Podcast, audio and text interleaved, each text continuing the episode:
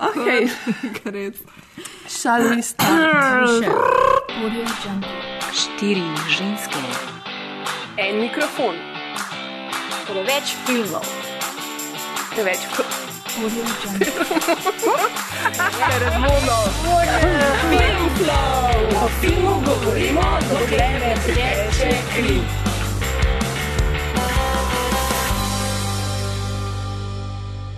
Lep simski pozdrav. Danes je sobota, 24. februar, ura je okrog 11. zjutraj, do povdan, Pol dvanajstih, ampak ok, zjutraj. dobro. In čas je za nov Film Flow podcast. Pred mrazom smo se, vsaka svojo skodelico čaja oziroma kave, skrili v obdobje kinotečne dvorane. Jaz se že na začetku upravičujem za kakšen izpad kašlja. za mano je en teden um, pač ležanja v posteli, smrkanja in uh, kašljanja, tako da zdaj gre počasi sicer že na boljš. Boga, ne. Ja. Ampak, Ampak mislim, da pač je zdaj ta čas um, nekih um, Ja, grip in grip prehladov. in prehladov. Ošpic Tako da in teh. najbrž nisem edina, As tako da shout out do um, vsem, ki se borijo z gripami in prehladi. In nožpicami. Ošpicami. Sicer pa je vreme te zadnje dni a, drugače popolno za obisk kina, še sreča, saj je letošnja predoskarjevska sezona v naše dvorane prinesla en kup finih filmov. Pokliči me po svojem imenu, tri plakati pred mestom, fantomska nit, oblika vode, brez ljubezni, Lady Bird, o kateri se bomo pogovarjali danes. Ste kaj od tega gledali, drugače pa brez ljubezni je pa v bistvu en ruski film Au. od Andreja Zvjakinceva, ki je tudi eh, nominiran za Oscarja v A. kategoriji za tuji To je jezični že. film. Sem mislila, da je brez ljubezni kakšen bizaren prevod kakšnega izmed uh, Poznani, poznanih. The Post. Recimo, ja. Ali pa tudi Lady Bird. Bi, kaj pa, meni je fulču, da so Lady Bird kar pustili Lady Bird. Lahko bi ga prevedli v kaj. Ne? Recimo pika polonica. Recimo, ja, recimo. Ja. Ja. Drugače, kaj smo kaj videli? Uh, ja, Lady Bird, Three Billboards, Shape of Water, uh, Call Me By Your Name. Tudi Loveless. Ja. Mal, mal me pa še čaka. So bili že vsi na, vsi na lifu, ne? A bi koga skoraj. posebej priporočile, kater film? Shape of Water. Samo zato, ker imam zelo rada uh, Gilerma, pa ta njegov magični realizem, da imamo tako reči. Mene je fur razočaral, pokliči me po svojem imenu. Da imam tako grenko rano. O ne, meni je Ja. bilo pa kar ok. Mislim, jaz sem se predvsem zabavala nad 80-imi, pa nad short shorts, Ja. men. Pa uh, vzorci na vseh možnih uh, Ja, teh ja, kratkih ja, letkah. tako, ja. tako. Um, pa pač ta Army Hammer je pač sam neverjetno lep, mo, nisem lep moški, tako tak un. Um, Perfect Ken po ameriških standardih, kar me vedno znova fascinira, da pač oh, tak tip obstaja, pa je, pa da je to ljudem všeč, tudi ker je pač sam tak too perfect. I mean, he's got the arms and the legs and the torso, which is like, how even do you maneuver it through a door? Pa v te majhne italijanske, ja. ja, opazila. pa v te majhne italijanske avtomobile, ki so pač not nabijeni pol tako. I'm, I'm gonna drive a Fiat Kar now. štirje so že Ja, v unu ja. Those were different times. Different expectations. Zakaj pa tebi ni bil všeč?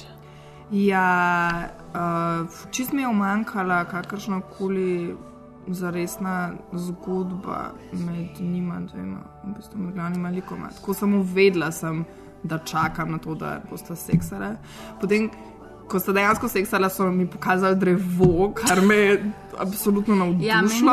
meni je bilo tudi. Meni je bilo, Mislim, tako kira cenzura. Meni je bilo to ful, v bistvu problematično, kako so pokazali, ker sta dva seksa nota, ne? en Ja. straight sex, pa en Ja. ne straight sex. In, In- v Runmu ne straight sex smo V- videli vse. plus mladoletno Joško od Ja. yeah. Bejbe, medtem ko pri gej seksu smo videli, like, maybe a butt, pa to je bilo tudi vse. Meni je bil lep. Ja. Meni je bil tudi zelo všeč. V bistvu je to eden takih redkih filmov, kjer me absolutno ni motil, da ni zgodbe, ker se mi zdi, da pač je poanta tega filma bila res v tej pač neizraženi ljubezni oziroma o tem um, hrepenenju, potem da se nekaj zgodi in se mi zdi, da je to uspel pač vsaj za me, mislim, jaz sem to zelo čutila in zdaj se mi je, da je to zelo, zelo dobro um, v bistvu prikazal, da ni veliko takih filmov, ki na ta način to lahko naredijo. Tako da Zanimivo. Okay. to. Cool. Ja, sicer pogovorom in informacijam o najnovejših in najbolj zanimivih filmih vedno lahko sledite v našem podkastu, pa tudi na naših družabnih omrežjih. Maja, ki vse nas poslušalci lahko najdejo. Tako je na spletnih straneh www.apparatus.js in www.filmflow.js, na Facebooku smo filmflow.tm. Ja, na, kot tudi na Twitterju in na Instagramu smo Filmflow podcast. Check us out. Vabljeni tudi, da finančno podprete mrežo Apparatus, Tako. kot vedno pa bomo veseli tudi vašega feedbacka. Sr pa zadnje čase opažam, da z našimi podcasti ustrajno kljubujemo tej zimi. V prejšnji oddaji smo se odpravili na sončno Florido, tokrat pa nas čas, čaka obisk prijetno tople Kalifornije oziroma Sakramenta, kjer se odvija zgodba filma Lady Bird. O, oh, fak, zdaj se mi je tako poštikal Sakramento, Zakrament, Yep. katoliška gimnazija. Yep. Wow, mind Oh, blown. makes sense. Yep. All makes sense, ja, točno to. Um, v prostoru in času boste tokrat z nami z Majo potovali še Zala Mojca Jerman Koželički, ki ima, podobno kot naša glavna junakinja, a performative streak. um, prejšnji vikend ste v Glaju odigrali ponovno vašo predstavo sestre. Kako Tako. je bilo? Ja, je fule bilo fino. Une druge tri sestre smo bile ponovno na domačih tleh, oziroma na domačih deskah. Ful se je bilo lepo vrniti v glej po par uh, mini gostovanjih. Um, ampak mislim, da je to to. Mislim, ne, da se škoda. sestre poslavljajo. tako Da, Ker jaz sem bila na predstavi in je bila ful dobra. In tako traja, tako da je kratka predstava, in pa je bilo konc, smo bili kar vsi tako, o ne, ampak še bi, tako, kar bi vas še gledali. Ful je zabavno in hicno. tako. o, ful hvala. Ja. ja, no, jaz navijam, da bomo čez 10 ali pa 20 let naredili nadaljevanje. Tako je. Ja. Une druge tri sestre. Kaj se zgodi? Malo ko s- kasneje. Like, ja, Imam like, like, full head canon, ja, kaj Ja, se zgodi. ja, because I want to know, a ta patent rata, like, uh, a, uh, tvoj lik se huka pa zuno neko sanjo. Pa, ja. like, a, a ima ta druga sestra otroke? The, is she still married to the guy? I have questions. need answers. Cool. I will provide some answers. Good. See you in 10. Ja, z nami pa je danes ponovno tudi Veronika Zakonšek, cinefilka in avtorica bloga Veronika Film Reviews, ki pa se je pred kratkim vrnila z potovanja po Afriki. Kako si se kaj imela? Super, super. Um, šokantno je biti na 40 stopinjah manj. Oh. Tako da se še privajam nazaj na zimske temperature. Um, Zato si šla malo v Sacramento. ja, tako.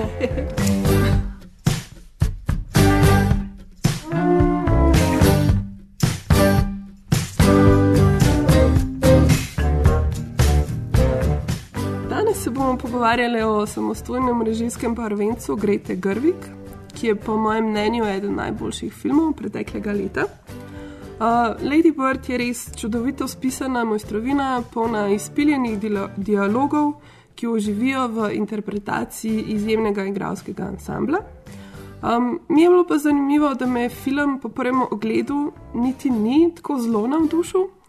Um, tako kot me je recimo Frances H., ki mi je bil že ob prvem ogledu popolnoma najljubši film.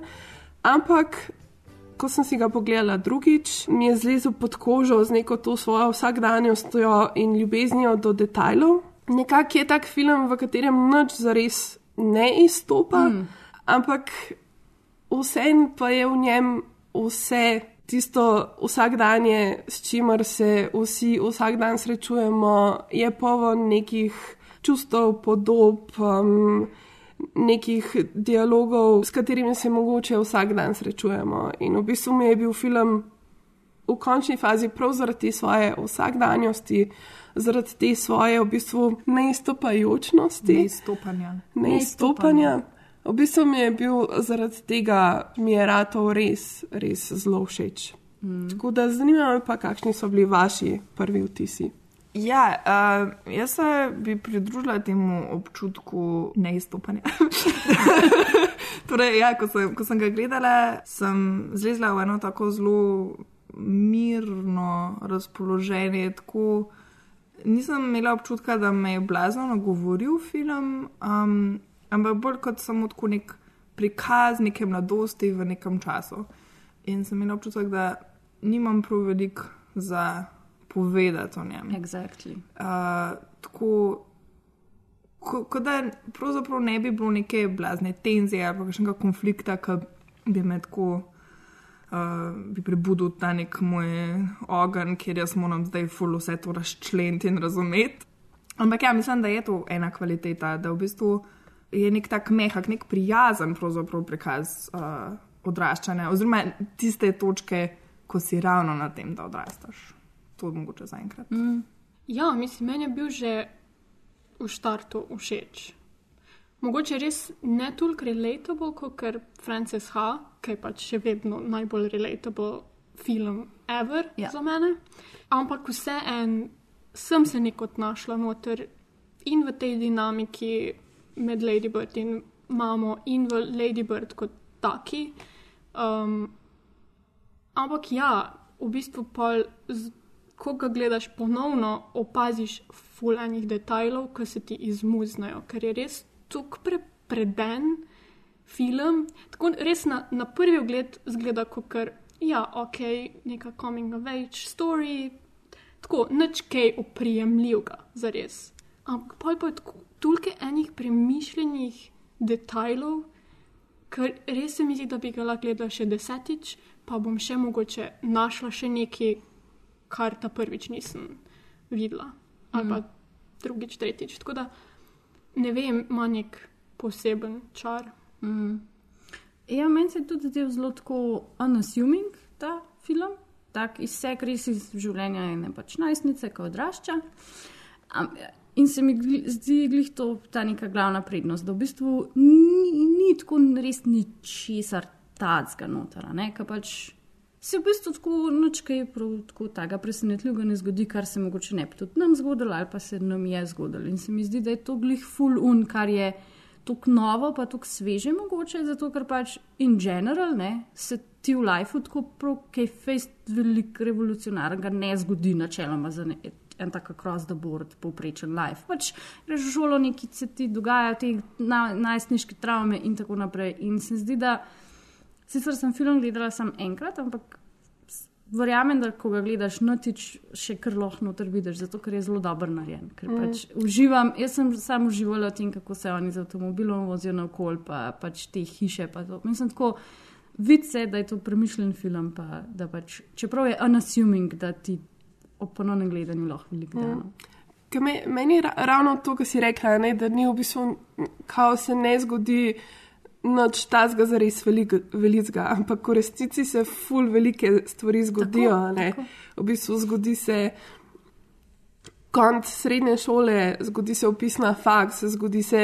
To so vse ful velike pač izpit za avto, iz, ja. zgodi se prvi seks, zgodi se v bistvu res neke take. Za enega človeka v enem letu, toliko enih pač stvari, se mi zdi, da vse to so neke dosti pomembne stvari, ki jih mogoče smo začeli imeti malo za samo umevne, pa jih mogoče ne bi smeli to. In, in meni je bilo zanimivo, ker me je ta film pač spomnil na to, pač kako pomembne so v bistvu te neke prelomnice za to, kdo postanemo, kam gremo, v bistvu kam se naš življenje mogoče usmeri v končni fazi. I hate California. I want to go to the East Coast. I want to go where culture is, like How New in the York, world did I raise such or at least snob? Connecticut or New Hampshire, where writers live in the Get woods. Get into those schools anyway. Mom, You should just go to City College. You know, with your work ethic, just go to City College and then to jail, and then back to City College, and then maybe you'd learn to pull yourself up and not expect everybody to do everything. Lady Bird, is that your given name? Yeah. Why is it in quotes? I gave it to myself. It's given to me by me. Lady Bird always says that she lives on the wrong side of the tracks, but I always thought that that was like a metaphor. But there are actual train tracks. We're afraid that we will never escape our past. Whatever we give you, it's never enough. It's never enough. it is enough. We're afraid of what the future will bring. We're afraid we won't be loved. You can't do anything unless you're the center of attention. We won't be liked. Yeah, well, you know your mom's tits, they're totally fake. She made one bad decision at 19. Two bad decisions. And we won't succeed. I want you to be the very best version of yourself that you can be.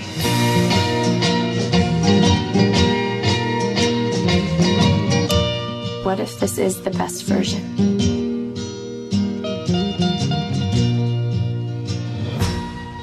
What I'd really like is to be on Math Olympiad. But math isn't something you're terribly strong in. That we know of yet. Preden se čist hmm. lotimo konkretne debate o filmu, bom Maja prosila še, da nam um, za orientacijo na kratko uh, pove nek plot filma. Seveda. Um, Christine uh, Lady Bird McPherson, pa Lady Bird sem dala v narekovaje, ker tako ona pravi, da je pač njeno pravilno ime, ki si ga je sama dala in tudi želi, da jo vsi kličejo Lady Bird. Je ena taka 17-letna nadebudna divja najstnica iz Sakramenta, ki hodi na zadnji letnik um, katoliške gimnazije oziroma katoliške zasebne um, srednje šole in stoji pred unim. Um, trenutkom v življenju, ko se treba za ful stvari odločiti, uh, na kater faks iti naprej, skomiti na pač prom oziroma na to nek maturanski ples, I guess. Uh, v končni fazi dojen in fantin s kom prvič seksat. Uh, njena družina je tudi zelo tako zanimiva, eklektična, tako zelo čila od starejši oče, uh, čizdivja in odlična matka, ki jo igra Lori Mitkev. Lori Mitkev, uh, ki je taka. Um, strong character, oziroma zelo močna, močna ženska, ki si želi za svoje otroke vse najboljš in da so pač razvijajo svoj poln potencial. In tukaj se mi zdi, potem ima ta Lady Bird, pa mami največji spor, ne, uh, da ima starejšega brata Miguela, ki je seveda tudi šel na Berkeley in pač zdaj je ta nek grocery boy, ki ne dobi službe. Ampak pač Lady Bird hara po svoje naprej, vključ se v dramski krožek, poforsira svoje in se prijavlja na pač Ivy League fakultete, ne da bi matka vedla. Seksa, gre na žure, gre na prom, zgodi si vse to, kar pač se od najstnikov pri 17 pričakuje, naredi spet za avto in potem. Na koncu koncev v bistvu pride, se ji uresniči njena, njena sanja, njene sanje in pride na, um, I guess, da uh, NYU, New York University. In um, tam nas potem film posti uh, z eno tako bittersweet, bittersweet zaključkom. No. Uh, fi, na koncu filma res, meni je ta zadnji del filma v bistvu še najboljši, tako ona pa gre. In tam nas posti, uh, Lady Bird posti v New Yorku, da hara naprej po New Yorku mm. in da se ji življenje zgodi, kot se je ona zamislila. Tukaj bi bilo ful, ful zanimivo, ker uh, film se res konča s tem vzdihom, ko ona Aha. zajame sapo in potem je kat in je ja. konc filma. In Greto so doskrat sprašvali, zakaj si odločila tam narediti konc filma in je rekla, da ko ona izdihne, je to nek drug film. Je to ja. neka druga zgodba. Ne? I'm broke, but I'm happy. I'm poor, but I'm kind. I'm short, but I'm healthy. Yeah. I'm high, but I'm grounded. I'm sane, but I'm overwhelmed.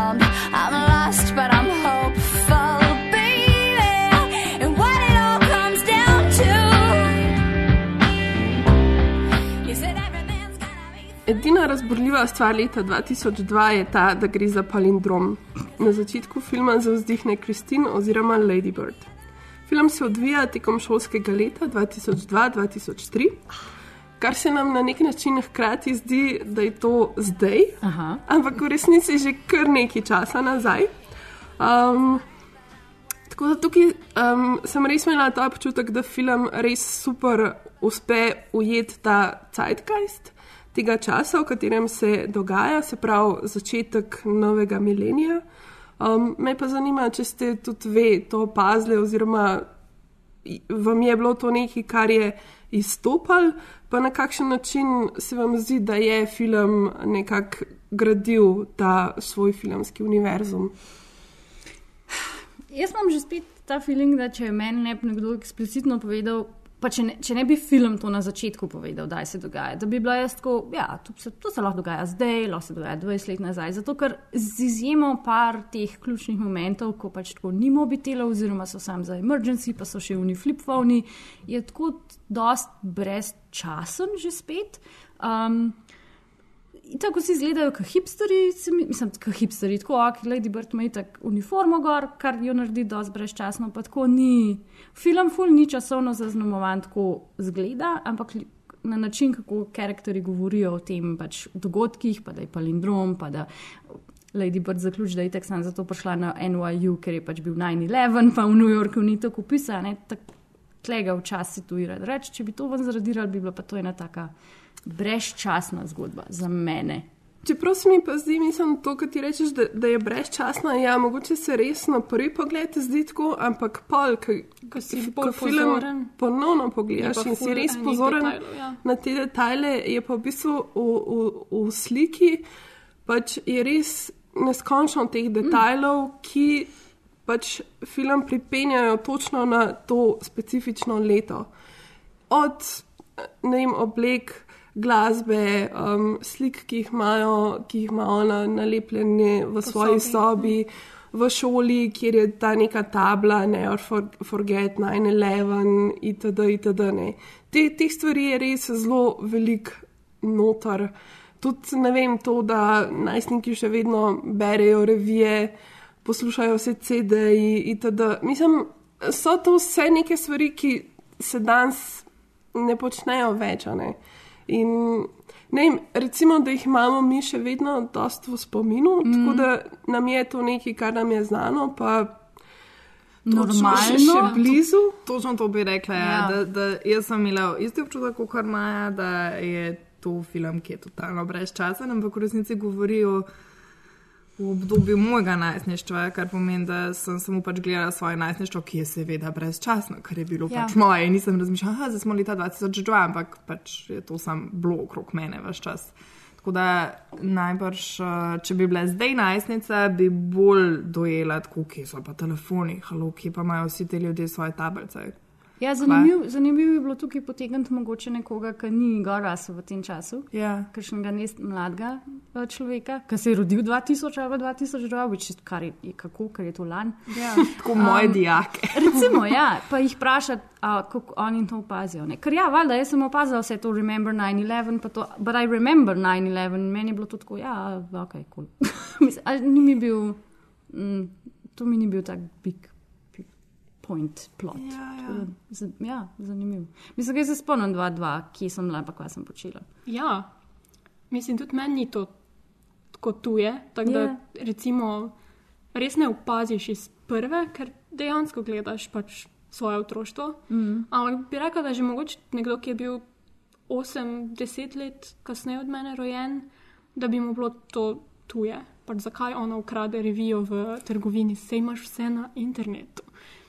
Pač takrat smo res brali revije, da si sploh prišel do nekih informacij, da si zvedel, kaj tvoj najljubši bend počne, da si, si strgal tisti poster na sredini ven in ga nalepil na steno. Pač res so teenagers still do that? A misliš, da to ljudje še najstniki počnejo? Postre, po Ja. moje, ja. Misliš? Ja, sem zdaj ga Če kupiš kar- na eBayu. Mislim, Ja, ne vem, če A kupiš. Misliš, eh, ne, se ne kupuje več bravo revije v Nemčiji, to ven trga. Oh, ja. Ja, to smo kupovali še tisti, ki nismo razumeli nemščine. Vse za fotografije. Tako pa za une bizarne fotostorije, noter pa bravo je imel zmeraj na koncu uh, dva najstnika naga, fotografiranega, for whatever reason in polka, nekaj o meni in pa so pač ti ljudje povedali nekaj o sebi. Skratka, Tako, zdaj, ko gledam nazaj na to, je bilo tako. Why though? Pač, tac, mislim, Nemci tako, pa FKK kultura, Ja, pa pa stvari, ampak zelo tako vzhodna Why Nemčija. though? Ja. Posti so bili tako 16, 17, redko kdaj je bil do 18. so bila Tako, Prav goli. ja, ja, prav with dicks out and everything. Pač tako, čist, ja, pač penis je bil tam. Ja, Pa hudo. večkrat kot ne pobrit, kar je bilo to tako meni vajdo. Oh, Taka spolna izobrazba. Ja, ja. Ker tukaj res je en ta tudi full fin detajl, ko ona končno dopolne 18, ne, ki gre lahko kupiti eh, cigarete um, in porno revijo. Ja. In je res, mislim, to, to mi je čudovito, ker tukaj pač v tem filmu je montaža tako dobro narejena in skozi ene delo greš sam, cek, cek, cek, sam pač to, to, to pokaže in si tako, ok, to enih stvari se je zgodilo, zdaj da tako lahko malo počasnimo, ampak eh, film res gre zelo hiter uh, skozi. Ja, Um, ja. Ampak hkrati pa je vsaj meni imel eno to uh, počasnost. Ko Mhm. vse čas sem čutila to frustracijo od Lady Bird, da je tukaj ujeta v tem sakramentu in da vse, kar se dogaja, mora sama si zrihtati, da se dogaja. Ne? Da ni te stimulacije iz zunanjega okolja, ampak da ona to mora nekako prebiti uh, Ja. sama od sebe. Tako da, ja, čeprav je hiter in se res veliko zgodi, uh, več čas tako neka ta počasna reka, ki teče. Ja, zato, ker film skozi pa Greta sta najbrž, mislim, Greta je najbrž zelo dobro vedela, kam hoče iti, pa kako hoče do tja priti in to se v filmu ful pozna. Mhm. Še, po- še posebej ne vem, zdaj, ko sem gledala tri Billboards Outside, ker sem pa zdi, da tam film ful je all over the place, pa ne ve dobro, kje kdaj kaj povedati, medtem ko ta pa res lepo teče. Se mi zdi. Tako, pa je hiter tam, kaj je treba biti, pa počasen tam, kaj je treba biti. Mm. Pa, pa tudi se mi zdi, da je mogoče to um, nekako slikava ta občutek, ki ga imaš, ko si v zadnjem letniku gimnazije, ko si res želiš že odrasti, imeti izpit, da greš lahko z avtom prvič sam na morje in vse te stvari. In se mi zdi, da se ti na nek način vleče. Pač po eni strani gre zelo hiter, po drugi strani pa samo tako skozi čakaš, kdaj bom že star 18, da lahko počnemo vse te stvari. Tako da se mi zdi, da mogoče mečkar odslikava mm. -hmm. tudi um, sam film, ta, Ja, ja. ta občutek. Pa najbrž mu to tudi da dejstvo, da je situiran v Kaliforniji, ki je Endless Summer. Ja. Zato, ker pač, zato mogoče tudi ga, ga mi beremo kot malo brezčasnega, ker mi smo tako ful navajeni, da začetek šolskega leta je nek tam, je že nekaj jesen, božič je tako, so vsi v bundah, tle pa v bistvu m, tako na, na izgledu Kalifornije se tako nič ne spremeni in se zdi, da ti to še bolj da občutek, da Ja, ja. Nothing really Ni happens. nekih letnih časov, Tako. ne veš, mislim, ti Mi se- skozi. Mi se v bistvu ful Isto, orientiram, orientiramo po letnih časih. Tako zelo določene stvari zelo povezujemo. a ne. Začetek šolskih je zmeraj ta neka jesen, pa to in pol. To se mi zdi fenomenalen point. Mislim, Ja. ja. da imaš ful prav. Mislim, name je to definitivno vplivalo. Ja. Ker pa nisem zares imela občutka znotraj filma minevanja časa. Ja. ne? Ker se nisem imela za orientirati Res, ja. v poletnem času. Ja. Tako, ok. Zdaj imate kar božično smreko, Ja, ja. kar ja. obdarujete se. Kaj pa če si nekakšen šalba, Recimo, ja. ki pa je sleg. One of the reasons that it makes sense to me both that you would write it and want it directed is it's so personal. And one of the things that was interesting to me is you obviously said it w- closer to when you grew up. Yeah. And so, uh, no cell phones, which was such a fun thing to watch a high school movie where cell phones is not a plot point. I know. You could not know where someone was. Yeah. it's amazing. Yeah. Another thing that strikes me as it ha- was very personal was the music choices. Yes. And for those who don't know, when you, there's a song you really want in a movie, you, you have to get permission to use it. Yeah. And you personally reached out to some people via letters. Yes, I wrote some letters. Um, like, for example, there's a, and I do feel like these songs were very, they kind of had to be those songs. yes, they had to. I had written them into the script. They were very specifically those songs. But, uh, uh and uh, Justin Timberlake as well, and they all said yes. Was that? yes. Oh, the Justin Timberlake. That has a really awkward beginning. Oh, yeah, Um, let's, uh, I yeah, gotta hear. yeah. Like, you're, I like Okay, that you're so, embracing your awkwardness. Dear Mr. Timberlake. I mean, what can I say? You're Justin Timberlake. You were the soundtrack to my adolescence. Your rise corresponded exactly with my very awkward puberty. and then it just gets worse. Um, yeah, I pretty much wouldn't be an adult without you. That's the nicest thing you could say to anyone. That's heartbreak. Your parents, with when they hear that, they'll be They'll be heartbroken. like, this was Justin Timberlake's doing. what I will be doing all that time. You didn't know ways I loved you. No. Uh, ja, tako kot pač smo povedali, se film torej odvija tekom šolskega leta 2002-2003. Um, kot smo tudi povedali, je Lady Bird v zadnjem letniku gimnazije, čakajo maturo, opis na faks, izpit za avto. um, postane polnoletna, se pravi, si pač dogaja cel kup enih pomembnih življenjskih dogodkov. Um, je pa zanimiv mogoče način, um, na katerega se ona sooča z vsemi temi stvarmi v svojem življenju. Um, ker se mi zdi, da je za nalož v bistvu neka taka upornica, nekako preizkuša meje vseh in svoje mame, um, svojega brata, um, profesorjev in profesoric na, um, na svoji gimnaziji.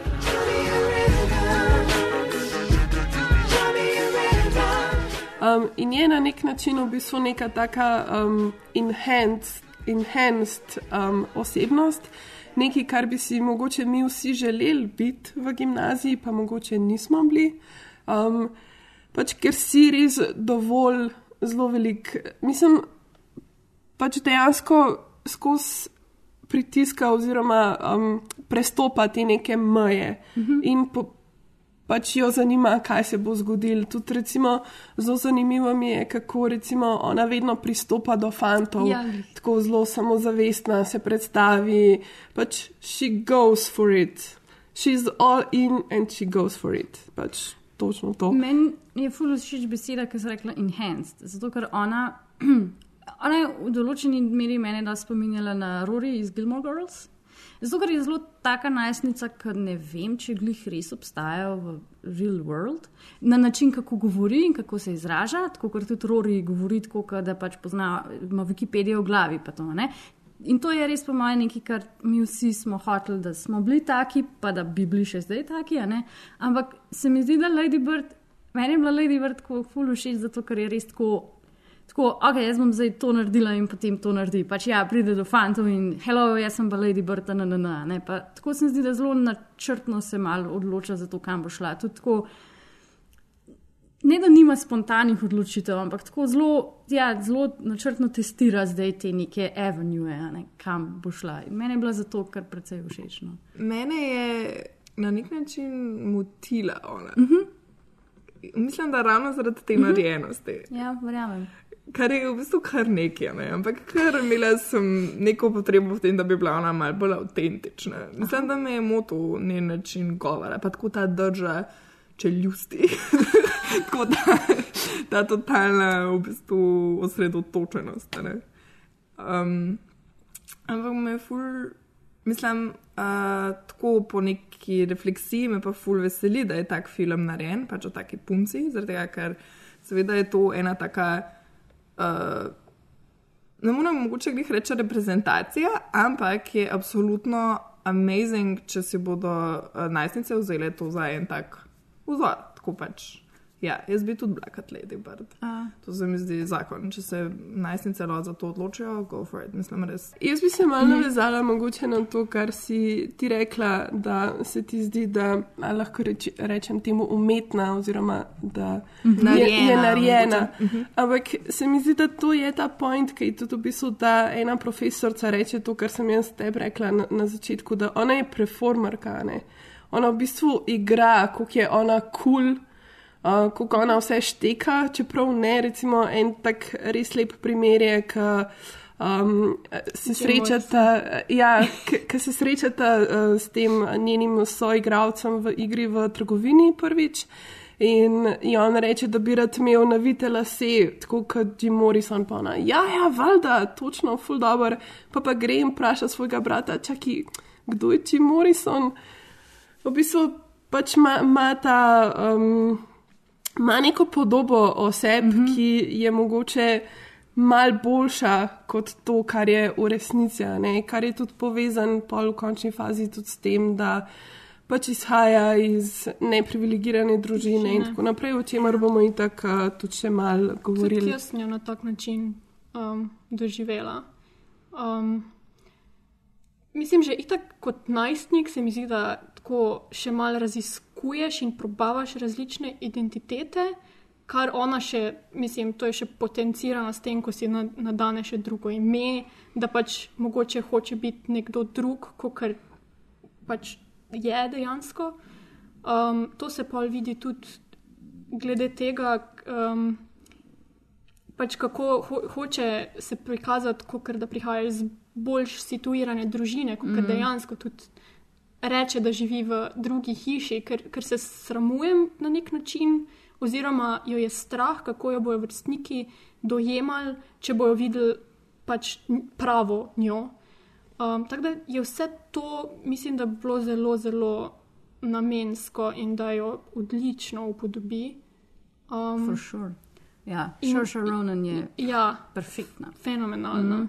Um, my name is Saoirse Ronan. Right? I think. I was sent the script of Lady Bird about two years ago, and I had never really read, especially a young female sort of heroine like that before. Somebody who kind of very much sees themselves as a female heroine. You never see young girls actually like love themselves in films, and she like really believes in herself. So I was quite excited by that. I had technically gone to a Catholic primary school and very briefly went to a Catholic high school in Ireland. I homeschooled a bit and you know, it was um it was more of an unusual education for me, a bit more unorthodox. Even if I had been in a high school in Ireland, the American high school culture is different. So I think that whole idea of like getting in with the popular kids and all that sort of stuff, it's more in the psyche over here. The only time I had seen stuff like that was like in Saved by the Bell and stuff. So it was kind of a dream for me to get to like actually live that out. Um, meni je tudi zanimivo, v bistvu, kako je bil uh, cel ta um, univerzum, v bistvu te šole zgrajen. Ker v ameriških filmih zelo velikrat, ko se filmi dogajajo v srednjih šolah, imamo eno zelo neko določeno hierarhijo, nekih določenih Pa skupin znotraj, uh, pač znotraj teh. So Um, the jocks, pa Mhm. mm -hmm. cheerleaders, pa ja, tako zelo. In tukaj tega res ni bilo. In ponavadi imamo v ameriških filmih to zelo velikrat. Pač ljudje, ki so hodili na srednjo šolo, sovražijo srednjo šolo. Tukaj se mi pa zdi, da je v bistvu Da je to, in da je to ja. delo nekoga, ki je rad hodil v srednjo šolo, ki v bistvu ima lepe spomine iz tam. Nekaj, s čimer sem se jaz veliko lažje tudi sama identificirala, ker se recimo v drugih um, ameriških filmih, ki govorijo o srednji šoli, se recimo ne morem, ker je to nek čist drugačen svet. Ampak tukaj na tej šoli pa se mi je zdel, zdel da je v bistvu ta svet, ne teh um, najstnikov, bil zelo podoben našemu tudi. Ja, jaz bi se strinjala. Mislim pač, z jih pomaga to, da je hodila na katoliško srednjo šolo, ker si predstavljam, da jih tam na malo drugačen način vzgajajo v narekovajih.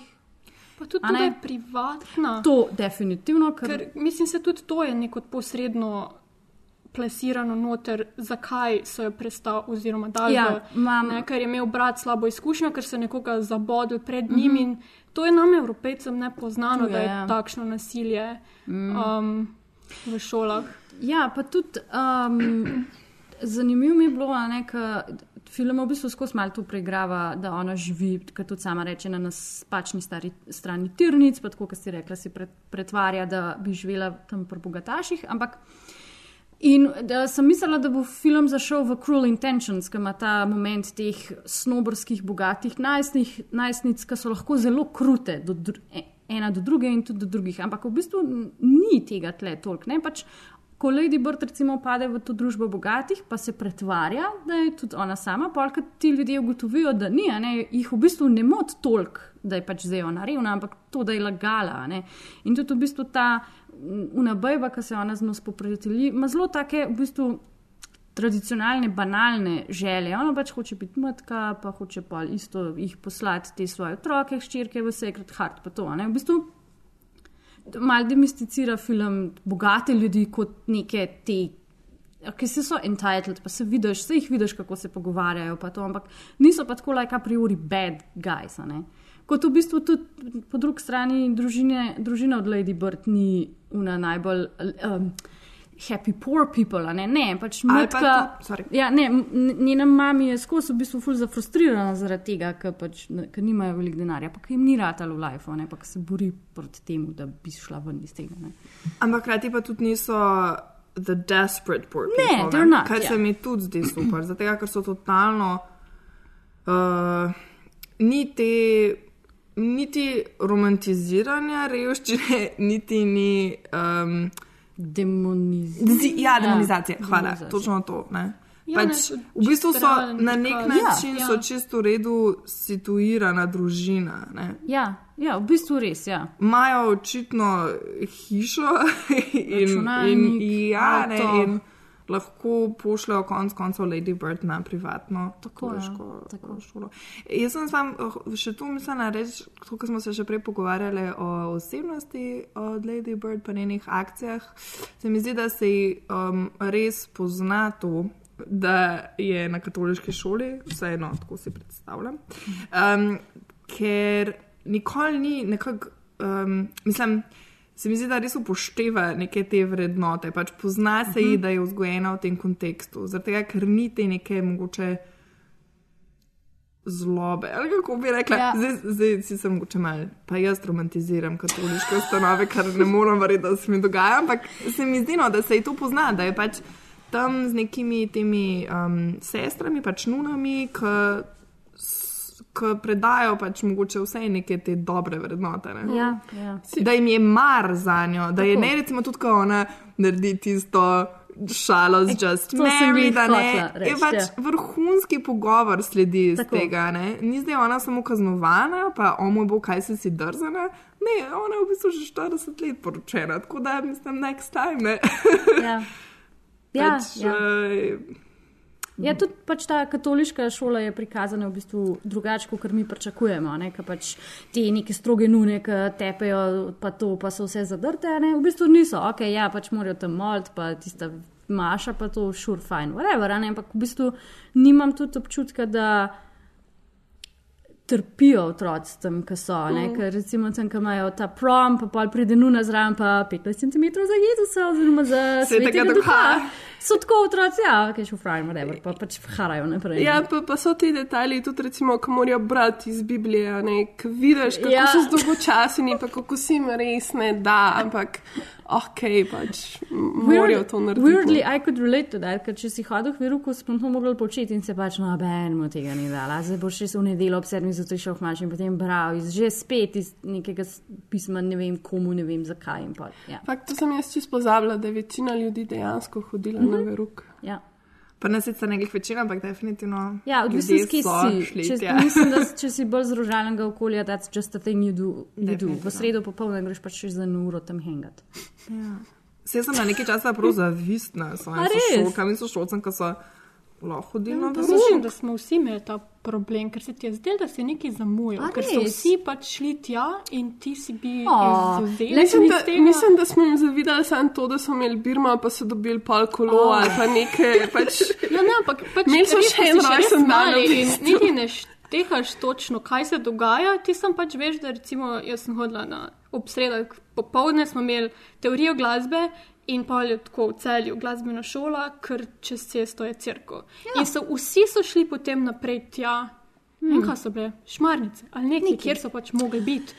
In tako pač me eh, zanima, kot, eh, kaj, kaj se to ja. dogaja, Kot zakaj nisem jaz del tega. Kot insiderka lahko povem, da pač ful niste veliko zamudili. Mal branja, mal lasanja in tepenja, pač pa veliko okay. shenanigansov, pa vsi smo komi čakali, da je potem konc, pa da nam nikoli več ni bo treba. iti v Ne, saj čist, um, zdaj, ja. Ja. ko gledam za nazaj, Ja. ja. sem zelo srečna, da Ja, ja, mi je bilo ja. ja. to prizanešeno, ampak pač takrat, pri tistih letih, pa um, pač vsi vrstniki zanimivo, so ja. del nečesa in ti ne veš, zakaj se gre. Pa da- edin, ja. edin to, kar sem jaz imela še od Vrka, je, da smo šli za priprave na Birmo nekam v Kamniku in samostan, ker to je očitno stvar, ki obstaja. In nam je potem, uh, no, Šarc imel stand-up za nas. Oh. Uh, uh, uh, the Catholic Church, they deliver. Sometimes. Sometimes. Why can't I just make the eggs? Because you take too long, you make a big mess, and I have to clean the whole thing up. Eggs aren't good for the environment, anyways. What? You heard her. Eat quickly, please. Look at all these pictures. Every newspaper looks like USA Today. Shelly and I are trying to be vegan. Hence the soy milk. You wear leather jackets. But they're vintage, so they don't support the industry. They aren't done. There's white stuff. You know how much you love brambles? Pigs are smarter than him, even. I never thought Brambles was a genius, okay? Mom, the eggs are not done. Fine, make your own fucking eggs. I wanted to. You won't let me. Sister doesn't like me. I'm hungry. She does. There's your chance. Go to bed. Ja, uh, če je po eni strani to film o odraščanju, je po drugi strani tudi to film o starših, ki jih čaka v bistvu neka um, boleča ločitev od svojih otrok. Um, delovni scenarij, uh, oziroma delovni naslov scenarija za ta film je bil Mothers and Daughters, oziroma Mame in hčere. In čeprav je v bistvu za vsak lik v tem filmu zelo dobro poskrbljeno, tudi vse te najmanjše vloge imajo zelo eno tako celostno osebnost in zgodbo in namen v filmu, se mi zdi, da film vseeno res temelji na tej dinamiki med mamo in med hčerko, se pravi med mamo Marion in pač med Lady Bird. Mm. Um, pa me mogoče zanima, kako ste ve uh, dojemali ta njun buren odnos, oziroma to di dinamiko njunega odnosa, um, če se vas je kak prizor um, njunega prepiranja, mogoče še o, tako osebno se dotaknil ali pa kaj podobnega. Uh, ja, jaz sem tako bila malo šokirana um, nad njunimi prepiri, predvsem nad stvarmi, ki jih je mama rekla, Lady Bird. Ker, no, ne vem, jaz imam vsaj to srečo, da sem bila vzgojena v nekem duhu, kjer mi tega ne bi nikoli učitali na tak način. Recimo to, koliko stane njena vzgoja. Ne. To se mi zdi pač grozno, da to rečeš otroku, sploh 17-letnici ali pa 17-letniku, um, ker konc koncev sta se starša sama odločila, da te boste imeli. Tako da to, da zdaj ti učitaš otroku, koliko ti mene staneš in kako moš pa, kako se pač obnašaš. To, to se mi zdi v bistvu popolnoma napačno izhodišče. Tako da jaz razumem Lady Bird, da je totalno besna na svojo mamo. Pač res, res to razumem. Sveda pa razumem tudi mamo, ki je pač težko. Mislim, da ni lahko imeti vsega tega družinskega lajfa na najbolj zelo majhnem budžetu. Um, ampak ja, no, to me je tako kar prizadelo. In, in uh, bi si skoraj želela, da bi bilo mal še več tako tega. Mislim, ne tega prepira, ampak tako še mal, skoraj več od njunem odnosu. No. Ja. Tako neke razrešitve. Mi je bilo pa fulu všeč um, to, kako je pač mama na koncu besna ne, zaradi te laži oziroma zamučane skrivnosti glede faksa Mm. in pač noče govoriti z svojo hčerko, ampak pol seveda, ko se vo stranje, sem tako, kaj delam, vala, da grem nazaj.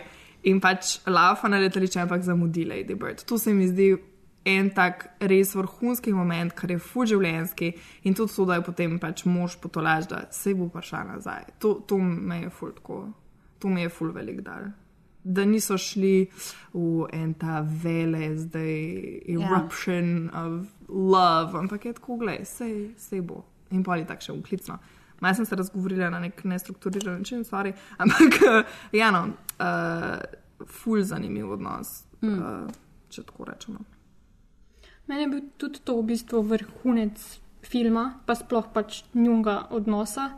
Um, pač ta jeza mame in pol itak trma, um, ki se noče posloviti, ker pač moš poštekati, da kar si naredila, ni bilo ok. Uh, ampak potem pač, ko se vozi stran in je sam, joj, kaj delam. Mm. Pač ta, ta prizor je bil res čudovit, ampak nasploh njun odnos mi je bil super. Pač res tako pristen, tako kot ponavadi deluje odnosi znotraj družine. Pač ali je to, ne vem, mama in hči, mogoče sta sestre med sabo, pač na ta način. Čudovito je to prikazan tam, ko gre ta zbirati obleko za njeno večerjo, Thanksgiving večerjo. Ker pač se kregata v enem trenutku, ampak pa ko najde obleko, je tako, aha, pač čista spreminjanje tonov govora, ko si res lahko si v laseh in se neki za brez veze zabavaš. Um, in potem sem tako, ta love-hate relationship, ki mislim, da je znotraj družin vedno bolj prisoten, kot se sploh zavedamo, ker ti pač te osebe vedno vejo, kam ti stopiti na živce. Mm. Prej pač zgubiš neko kontrolo nad sabo in nekaj rečeš malo bolj ostro, kot si hotel. In se mi zdi, da ta dinamika tle je ful lepo prikazana.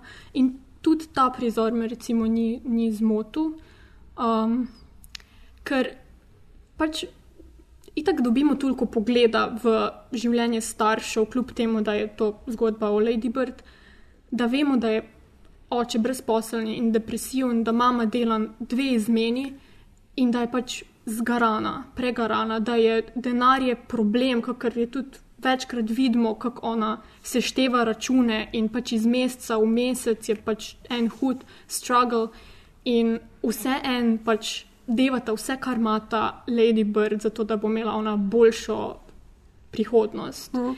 In pač otroci so kdaj nehvaležni ali pa pač vse vzamejo neko for granted. Ker se ne zavedajo te realnosti staršev in koliko se oni odrekajo, in koliko vse hočejo sam pač za njih, In pač kdaj mama reče, kaj, kar verjetno se tudi ona zaveda, pač to ni bila prava stvar za reči, ampak v tistem trenutku je sam pač nehi, a se zavedaš, koliko plačujemo. Mislim, tako mi je bil. Ja. Ne, jaz se kar strinjam. Ja. Zdi se mi tudi tukaj, da mama se res trudi biti tudi v bistvu tako po pravilih neka dobra mama, pač po tem, kar so njo naučili, da je dobra mama. Ne? In v bistvu se, se mi zdi, da se zaradi tega tudi drži tako v bistvu zelo, aha, jaz moram biti zdaj vzgojna, pač jaz moram vedno biti ta zmaj, to je moja vloga, pika, ne? in v bistvu ne popušča v teh, ni v bistvu. Ni ljubezniva na ta način, na ta mogoče nek spontan način, ker se je naučila v bistvu biti ta po pravilih, ne um, mama. Mislim, ne vem, jaz to kar dobro razumem, ker se mi zdi, da je moja mama bila dost. Podobna, tako da sem se tukaj res zelo lahko poistovetila s tem, kar se dogaja tudi um, v bistvu z vsemi temi stvarmi. Um, ne vem, zakaj nisi zložila svojih oblek. Um, v bistvu, pač, ko jih hoče privzgojiti nek svoj odnos do življenja, do, do stvari, in v bistvu gre dost za nek čist generacijski ne, moment. Tako kot si rekla, ker Lady Bird. Ko je srednja šolka, ona se še ne zaveda vseh realnosti tega odraslega življenja. Ne? In zato ne more niti razumeti, ne, v bistvu te realnosti. Pač njena mama pa nekako ne zna skomunicirati njej pač teh svojih občutkov na pravi način. Oziroma, pač ne vem, itak te to nikoli ne naučijo, ne, kako komunicirati na nek način, ki bi bil mogoče bolj spremljiv za vse, pa ki bi mogoče povzročil neke čustvene bolečine ali pa nečesa tasga, ne vem. Yeah, I had a feeling like probably like mothers and daughters will relate to this, like because it had that sort of secret world quality. There is something about um, making a very specific story that centered a mother and a daughter and her friendship with um, Beanie, who plays Julie, and this kind of like world that isn't super documented because there's not that many female writer directors, so just like the kind of intricacies of those relationships are less explored. I think when you're dealing with a subject matter like this, there's just a level of understanding and sensitivity that we would have to it that maybe a, a man wouldn't, you know. She has a big heart, your mom. She's warm, but she's also kind of scary. You can't be scary and warm. I think you can. Your mom is.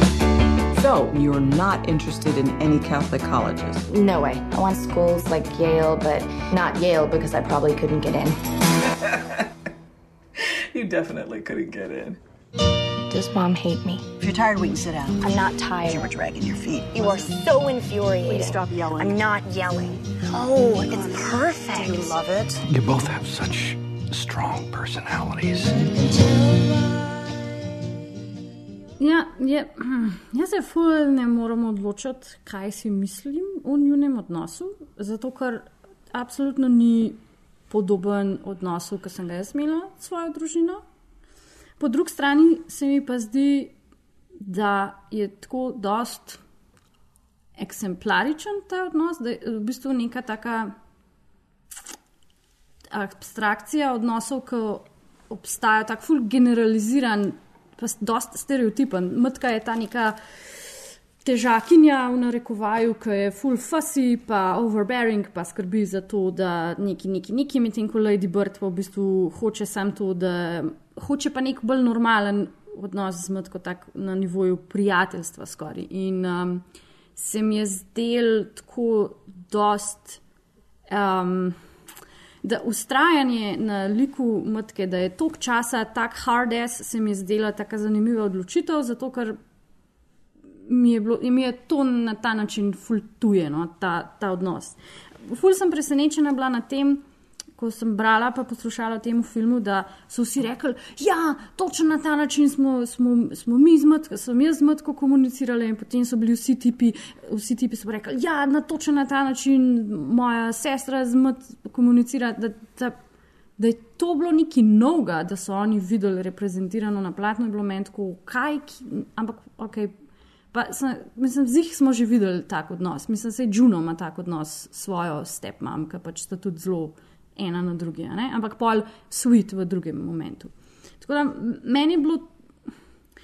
Meni je bilo pač res, pač matko mi je bilo ful težko prenašati, pa gledati, ker sem mislila, ja, v redu, imaš ti neke svoje težave, a sloh res, a sloh, mislim, zakaj si taka, ker ne vem, pač motil me eno. Mislim, tako, ker Lady Bird mi je pa po eni strani tudi ful motila, ker pač, ko sem bila jaz tako stara, kot je bila ona, jaz sem točno vedela, kakšni finančni, mislim, točno vedela, pač sem vedela, kakšne so naše finančne zmožnosti in sem se temu primerno pač obnašala. Pač, ker sem vedela, da si ne moramo prvo še tega, pa tega, pa tega, tako ok, pač ne bom šla delati tega, pa tega, pa tega. Ampak tvoj brat se pa recimo ni. Ne? Ja, to sem jih hotela dodati. Moj brat, pa mogoče tudi tvoja sestra, pa nimata tega impulza, pa sta 5-6 let mlajša, ker pač moj brat je bil tako, ne, jaz to hočem in jaz bom to sfural.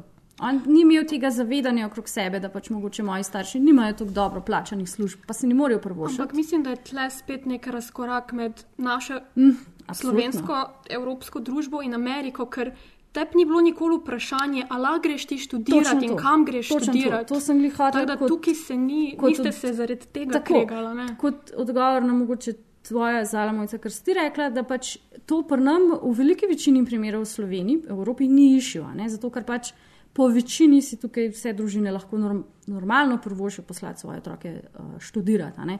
In mi nimamo nikoli tega. Ja, in imaš prav, nikoli ni bil vprašanje, ali bo mi dva z bratom šla študirati, bo šla in tako študirati, pa tudi ni bil problem plačati vse te stvari. Mogoče je pri nam zaštrikal na kakšnih bolj ob, ob stranskih ekstra stvarih. Kar pa si politak, bili, smo bili pa pol že tako star, stari, da smo imeli študentski job in si to lahko ne. Tako da ne, ta cel moment ne. Ker je tudi meni bil izjemno krut uh, strani Mtke, kako ona lahko naprej ne meče te stvari. Se mi zdi, da pač je v Ameriki točno tako je in najbrž še bolj krut, zato ker pač Lady Bird je. Ona dva sta vzela hipo, še Tako, dodatno ne. hipoteko V na bistvu- hišo zaradi V bistvu so hčere, bili, so bili, kar je kar velik. Ja, v bistvu, ne glede sacrifice. na to, da živijo na napačni strani tirnic, so vse jih tako privilegirani, še kar, da si pač lahko prvošijo, da, gre, da gresta v bistvu oba dva, in Miguel na Berkeley in ona na NYU. Tako da si predstavljam, da v drugih družinah imajo ta pogovor, ki se ne realizira, ki pa mora iti otrok na State College, kar se ni slaba odločitev, mislim, se je, je ok, ne, ampak ne morejo izživeti tega.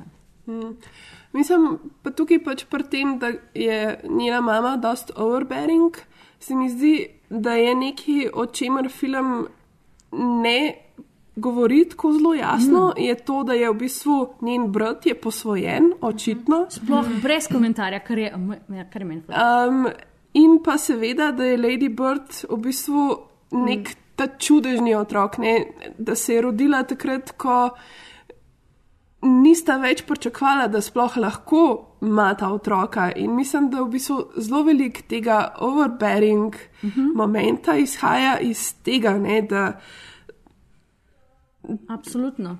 Da je to v bistvu nek ta, ta moment, ki vse te neke frustracije in ljubezen hkrati pač um, da v nek ta isti moment. Ne. for being passive aggressive. No, you are so infuriating. Please stop yelling. I'm not yelling. Oh, it's perfect. Do you love it?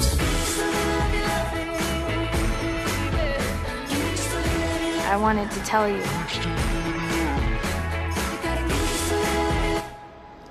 Thank you. Ja, zgodba filma se dogaja tudi v času, ko je uh, Greta zaključovala gimnazijo. Na nek način gre za njeno autobiografsko zgodbo v tem filmu. Um, se mi pa zdi, da se mogoče ta autobiografskost najbolj kaže skozi to ljubezen do sakramenta, do tega mesta, v katerem je odraščala, um, pa v katerem še vedno živijo tudi njeni starši, njen brat in njena, um, mislim, da sestra. Um, in je v bistvu neko tako posvetilo ljubezensko pismo temu mestu. In meni je to bil tudi eden od najlepših momentov tega filma. Um, v bistvu to pripoznanje, kako te mesto, v katerem si odraščal, na nek način zaznamuje, um, kako te pač naredi za, za to, uh, za takega, kot si danes. In zdi se mi, da je to res bilo lepo v filmu prepleteno in sploh na koncu, da res pride tako čudovito do izraza. I wanted to set it in Sacramento because Sacramento is my hometown and I and I I love it and I thought I could shoot it lovingly. But I'm a big believer in the more specific you make something, the more universal it is. And because it's about this core feeling of how you can't understand how much you love home until you're leaving it, that that, that would everyone would know think about their hometown and their particular geography of, of their childhood and how they relate to that as an adult. I felt like I was from a place and from these people and really that they gave me roots and wings and I felt like when I went off to college I felt like oh I'm I have such a good base and they gave me such a good base even if I wasn't fully able to acknowledge it at the time. Ja, pa, pa Sacramento je na tak ful zanimiv način posnet, ne? Zato, ker v bistvu, okay, Sacramento je eno izmed manj znanih mest, pač ni nek kraj, kamor ti greš kot turist, in tudi nimaš neke podobe o nekem skylineu, kjer so ti, ne, te glavne stavbe. Ampak v bistvu ti to film tudi ne pokaže, zato ker film ostaja tam, kjer Lady Bird živi in ti vidiš v bistvu pač to šolo, ta high-end high neighborhood, pa pač tam, tam, kjer Lady Bird živi. Ampak Kar je meni dal v bistvu najboljšo podobo v Sakramentu, je itak ta svetloba, ki se v Kaliforniji dogaja, ta endless summer, pa ta res specifičen sonce, ki tam sije, pa koliko se, on, koliko se je dobro z avtomobili voziti na okolje. Pač, Mislim, me, en izmed mojih najljubših spominov iz mojega otroštva na tržič je to, kako smo se z mami z jugotom včasih kar vozili po tržiču, pa poslušali musko. Pač Fura, pač mami nas je pobrala in potem smo se z bratom na okolju vozili, gor pa dol, pa musko poslušali. In jaz se ful poistovetim s tem, da na ta način dojemaš mesto, v katerem živiš.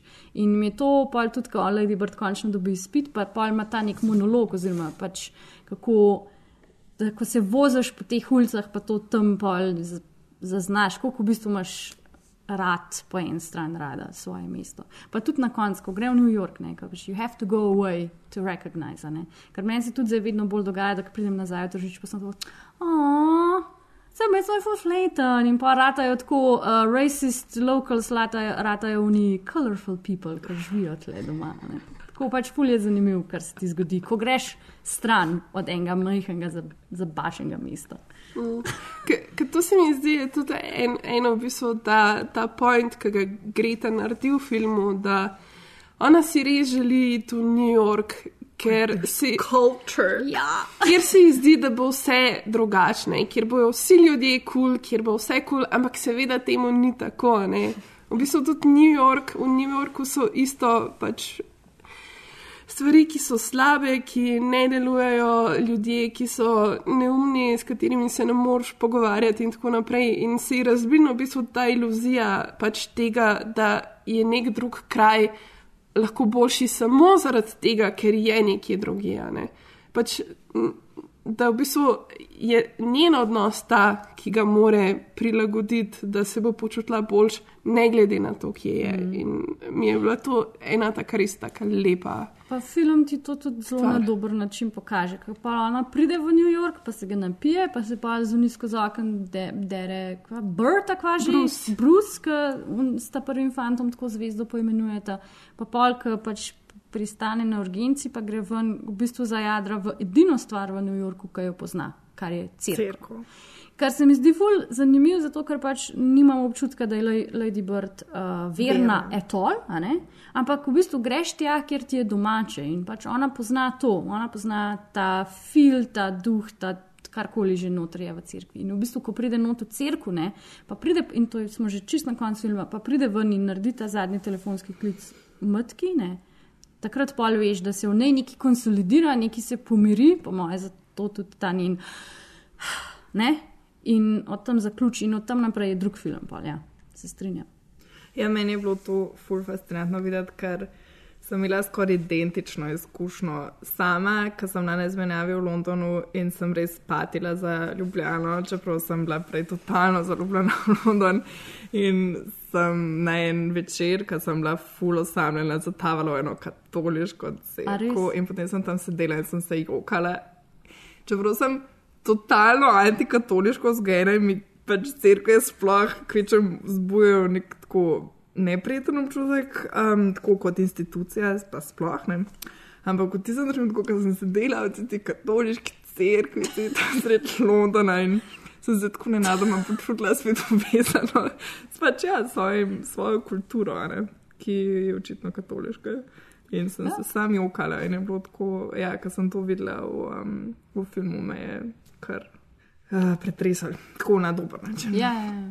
I actually we had the premiere in um, Sacramento with my family and everyone I've known my whole life and my second grade teacher and the mayor of Sac- Sacramento and my first crush and all my friends I went to elementary school with. It was it was incredible and it was extremely emotional and at first I thought, "Oh, I'm not going to watch." And then I thought, "No, I mean, you have to watch. You have to watch through." And so I sat and I watched it with everyone, and um, and I was able to watch it and really enjoy it and enjoy them enjoying it. And there are things in Sac that you know only get a laugh in Sacramento, but I wanted to include those things because again, I think even if you don't know what the specifics are, you, kind of do know when it sounds real, and um, it was just it was this kind of heart soaring experience.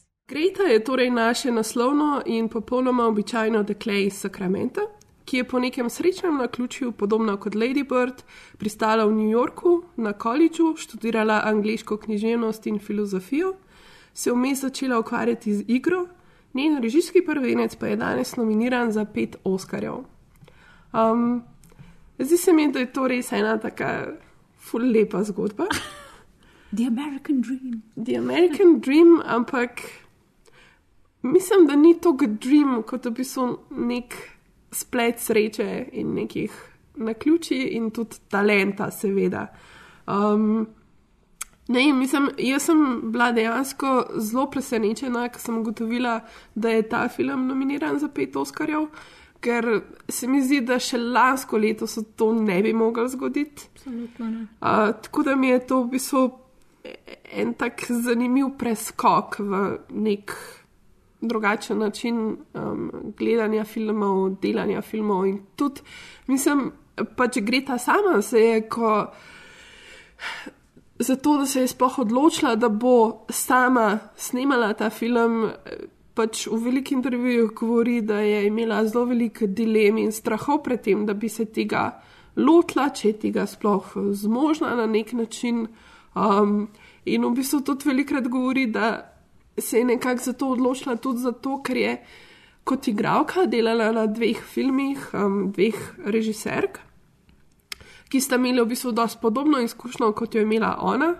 Ker recimo, um, mogoče recimo tisti, ki poznamo malo ma, Mumbalkor uh, gibanje, pa to s, gre to poznamo iz tega časa. Jo poznamo kot igralko v teh filmih, tudi kot so scenaristko in so režiserko enega izmed teh filmov.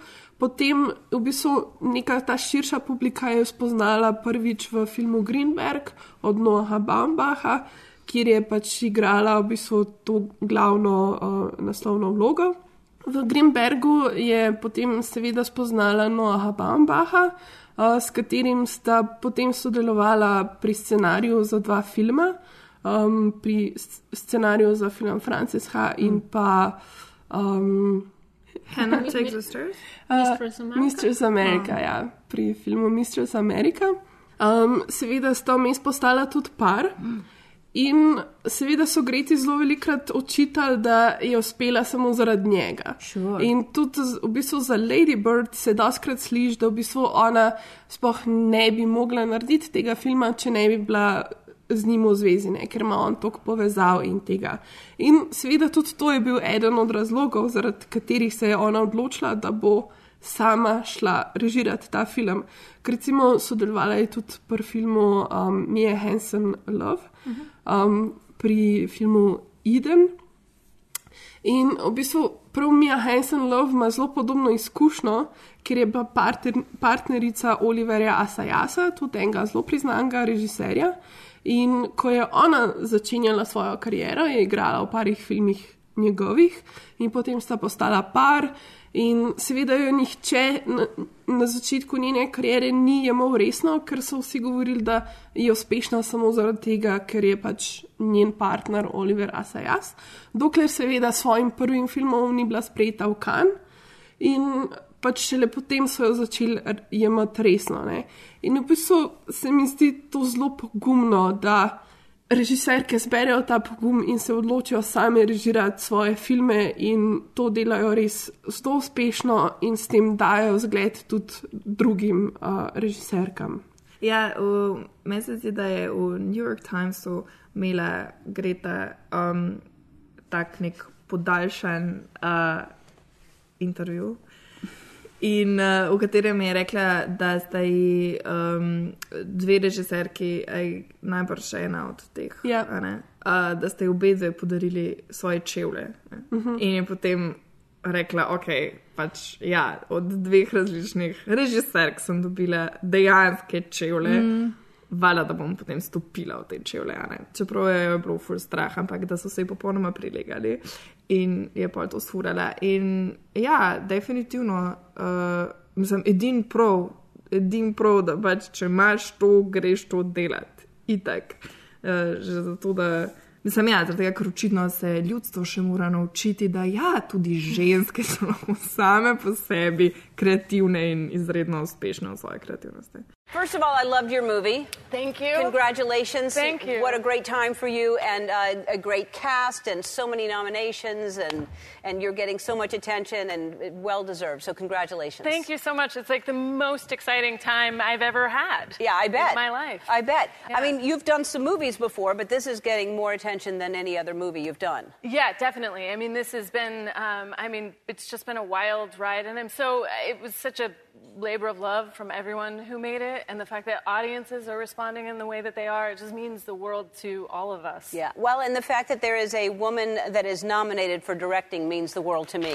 That's, uh, thank you. You know, I mean, it's it's crazy that that we don't have as many women directing movies, and and you know, there's all kinds of things, but especially directing movies. Yeah, I mean, I do think it's it's changing. I think this year was an amazing example of like there's Patty Jenkins who directed Wonder Woman, there was Dee Rees Yep. who did Mudbound, Yep. Sophia Coppola, The Beguiled. There's like a a lot more women who are making great stuff that's really making an impact. So I just think like when people want to make movies, they have these examples now. It doesn't feel like there are no women. Yeah. It's uh, I think it's a good time to be a woman filmmaker. Yes, it's a good time to be a woman, period, because we have voices now, and we actually are being heard. se ful strinjam. Ful mi je zgovorno to, da pač kako še kar ne moramo nekako vzeti režiserk at face value, zmeraj rabimo najti en razlog, zakaj so zdaj one režiserke, ali pač, aha, ta Patty Jenkins, neki neki, Greta, neki neki z nekim tipom. Ne, z- zmeraj Ja. iščemo nek izgovor za njihovo uspešnost. Mislim? V bistvu že prej se mi zdi, da so jo skozi hotel diskreditirati, Ja. ko je ona samo kot so scenaristka sodelovala.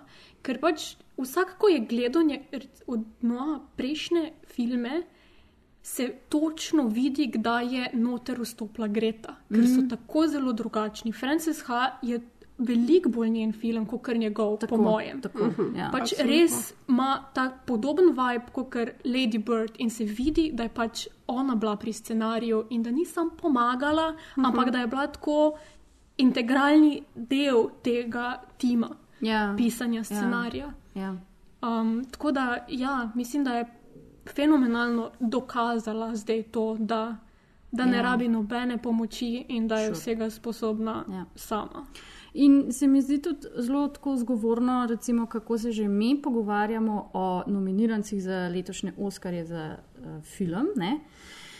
Ker se mi zdi, da se vse zelo tako z določeno mero utrujenosti lotevamo The Post, pa črt, The Darkest Hour, pa Fantomske niti, ne? ko smo vse tako nekako. Ja, ok, to so zdaj ti filmi s temi ljudmi, s temi vlogami, s, s tem scenarijem, ki so sicer lahko čisto solidni filmi v smislu tega, kako so narejeni, pa kakšno zgodbo imajo, pa to, ne? ampak smo vsi tako mal. Ja, ok, šur. Sure, in se mi zdi ful sveže, pa to, da sta zdaj v tej kategoriji noter in ta film in tri billboards in Get Out in, in po svoje tudi, tudi Guillermo del Toro, The Shape of Water, ne, ker vnaša vse glih eno tako zanimivo svežino, Ja, fantasy je vedno tudi ne zelo spregledan. To je itak, ja. Letos, Oscarjih. letos v bistvu na Oscarjih sta tako dva zanimiva fantasy žanrska filma, pač uh, The Shape of Water, pa Logan je nominiran za scenarij, uh, Logan, uh, Wolverine Logan, ta, ki je pač mislim, da sploh prvi stripovski film, ki je nominiran bil za whatever, ki ponovadi niso. Ne bom zdaj, don't quote me on that, ampak Mislim, da so no. ponavadi za neke te uh, zvoke. Tehnične, š- to, to noben, nobody can zdaj. Ampak ja, zdaj se. Ampak pač tako, ne, prvič je tudi neka ta pripozna, nekdo pripoznal, da tudi v bistvu tudi žanrski fantasy, blockbusteri filmi lahko v bistvu v določenih, a pa vseh merah tako kvaliteten, da se mu lahko pa da kakšno Ja, nagrado. pa mislim, da je treba tudi poudariti. Mislim, meni je fascinantno to, da v bistvu Get Out in Lady Bird sta prvenca, to sta prva filma teh režiserjev. In pač sta boljša filma od, Od večine. mar, marsikaterega. ne, ja, tam, res. da, Ja, ja. Tudi, tudi to zelo veliko. Ampak sta pa spet oba dva od ljudi, ki že pač oba dva že in uh, Jordan in Greta že dolg, mislim, veliko let delata v tej industriji, ampak ker pač ona je ženska, on je temnopolt moški, mislim, da dejansko ni bilo prej prilike, Da da bi- uh, da bi posnela nekaj takega. Tako Da, Ja, ja, se in strinjam. ko enkrat do, dobiš priliko, če si You pač go neka for it, ne? marginalizirana skupina, you really go for it. Pač mor, moraš dokazati svetu, da zmoreš. Ja, ja, ja. No, the time is now, the time is perfect. Pa mislim, da že lanski Oscari so mečkar nakazali to, Moonlight pa te stvari, ne. Mm. Letos pa se mi zdi, da so se vsi čist razbohotili. Tako da zdaj, ali bo 2019 še boljš, ali pa bo 2019 naredil pač nek potek nazaj, pa bomo že spet, pa bojo štirje Spielbergovi filmi nominirani. Ali pa bojo krug kino, Oskar. Ja. Kar bi meni bilo čisto ok. Sam kaj pa bomo pol delali en, da, en dan v letu po noč, ko pač ne moremo spati, pa moramo gledati. Ja, spali bomo, ker nam ne bo treba gledati. I want you to be the very best version of yourself that you can be. What if this is the best version? What I love about the character of Ladybird is she's always the person driving the action. And I admired her willingness to fling herself at what she wanted. When I said I was going to direct, I had a moment of, you've always wanted to do it. Now it's time to just jump. So many people have come up to me and said, I've been that daughter or I've been that mother. And I couldn't be more proud of the work that we did, and I couldn't be more grateful that it's been embraced this way. The next generation of filmmakers, they're coming into this moment where I think we're really looking for different kinds of storytellers, especially female storytellers, and I can't wait to see what they make.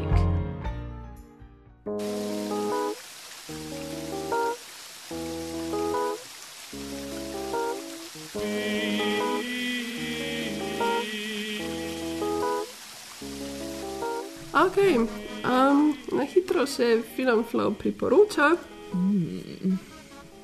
Na čas šolskemu letu 2002-2003 vam tokrat priporočamo naše najljubše filme iz tega obdobja. Um, tako da, go for it, Maja. Uh, mislim, halo, uh, gospodar prstanov, dva stolpa. Da, need I explain more, pač, lej, whatever. To, ne rabimo obrazložitve. Absolutno, I mean. Great, me veseli, da se strinjava. Ja, oziroma mogoče lahko celo urinaš in dva stolpa in kraljevo vrnito. Ker potem dva, dva, tri, Ja, ne, ja, ja, točno tako, to. tako, tako. O, wow, ja, jaz se podpišem tudi po tom. Eh, Sicer sem pr, pač bi priporočila uh, 13-letnici, um, ker sem na takrat stara 13. In, uh, in me je ta film totalno zadev. In je na nek način uh, govori o zelo podobni stvari, ne, torej odraščanju v nekem uh, revnem ameriškem predmestju, ampak na veliko bolj brutalen način, um, ker nimajo vsi denarja za katoliške privatne šole. In um, ja, no, ta, ta film je res, mislim, da je res vrhunski in me je ful zaznamoval, se mi zdi. Až da sem tudi jaz malo premetavala ta film v glavi. Um, Za gospodarjem prstanov? Ne, ne, ne, za 13-letnici. Ne, ne, ja, Ker ne. sem ga dejansko sem ga gledala, sicer že na moj 14. rojstni dan, ampak prav to je bil film, ki sem ga šla takrat gledat.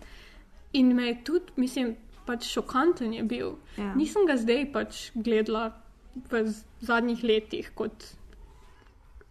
Ja, tega se zdaj ne vidi, ne ko govorim pač kot, no, Ja. uh, odra, o, kot odrasla ženska. Um, ampak takrat je bil pač fuk. Bom pa šla z The Dreamers, kak je slovenski Uh -huh, sanjači. sanjači. Um, pač zdaleč ne najboljši Bertolučijev film, ampak vseeno se mi zdi, da ko sem začela šele spoznavati filmsko kulturo, da mi je full dal. Nisem takrat pač štekala vseh, um, ki se nekot poklanja um, starim klasikam, sploh francoskega novega vala. To je šlo takrat, pač, ko sem prvič gledala mimo mene, ampak se mi zdi, da je bil tak en perfekten intro v to filmsko kulturo pri tistih letih. Would you like to go out on a date with me? Isabel, you don't need his permission. I wish you could step out of yourselves and just look. Are you ready to give us proof of your love?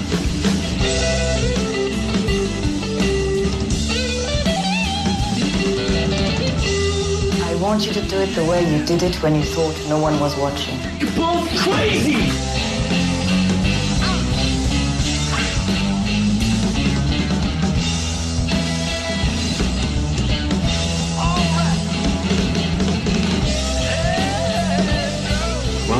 Tiny bit excited?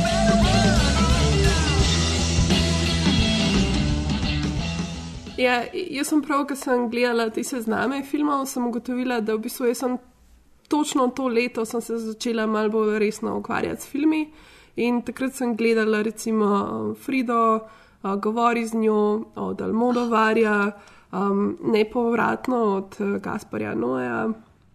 Zgubljeno s prevodom, um, swimming, swimming pool od Ozona mi je bil Uh, recimo ja. takrat full ljub. Ja. Ampak film, ki sem ga pa izbrala, je pa Kill Bill od Quentina Tarantina, Seveda. um, me je pač totalno zaznamoval. Pač v, v tistem času z, zaradi tega filma sem začela hoditi v videoteko, potem pač začela delati tam in tako se je vse odvijalo naprej. No, um, je pa v bistvu pač izbrala sem ga pa to zato, ker ga v bistvu po vsem tem, kar se je dogajalo, pa te izpovedi od Weinsteina do Ume Thurman, kako so snimali ta film in kaj se je dogajalo na snemanju tega filma, si ga želim še enkrat pogledati, glih zato, da vidim, če ga v bistvu z vsemi temi informacijami zdaj bo kaj drugače um, gledam, oziroma kakšen se mi bo zdel. Looked dead, didn't I? Well, I wasn't. But it wasn't from lack of trying, I can tell you that. Actually, Bill's last bullet put me in a coma.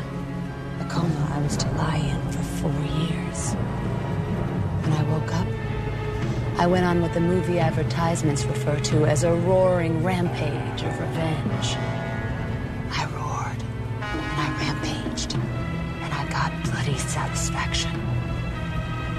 I've killed a hell of a lot of people to get to this point. But I have only one more. The last one. The one I'm driving to right now. And when I arrive at my destination, I am gonna kill Bill.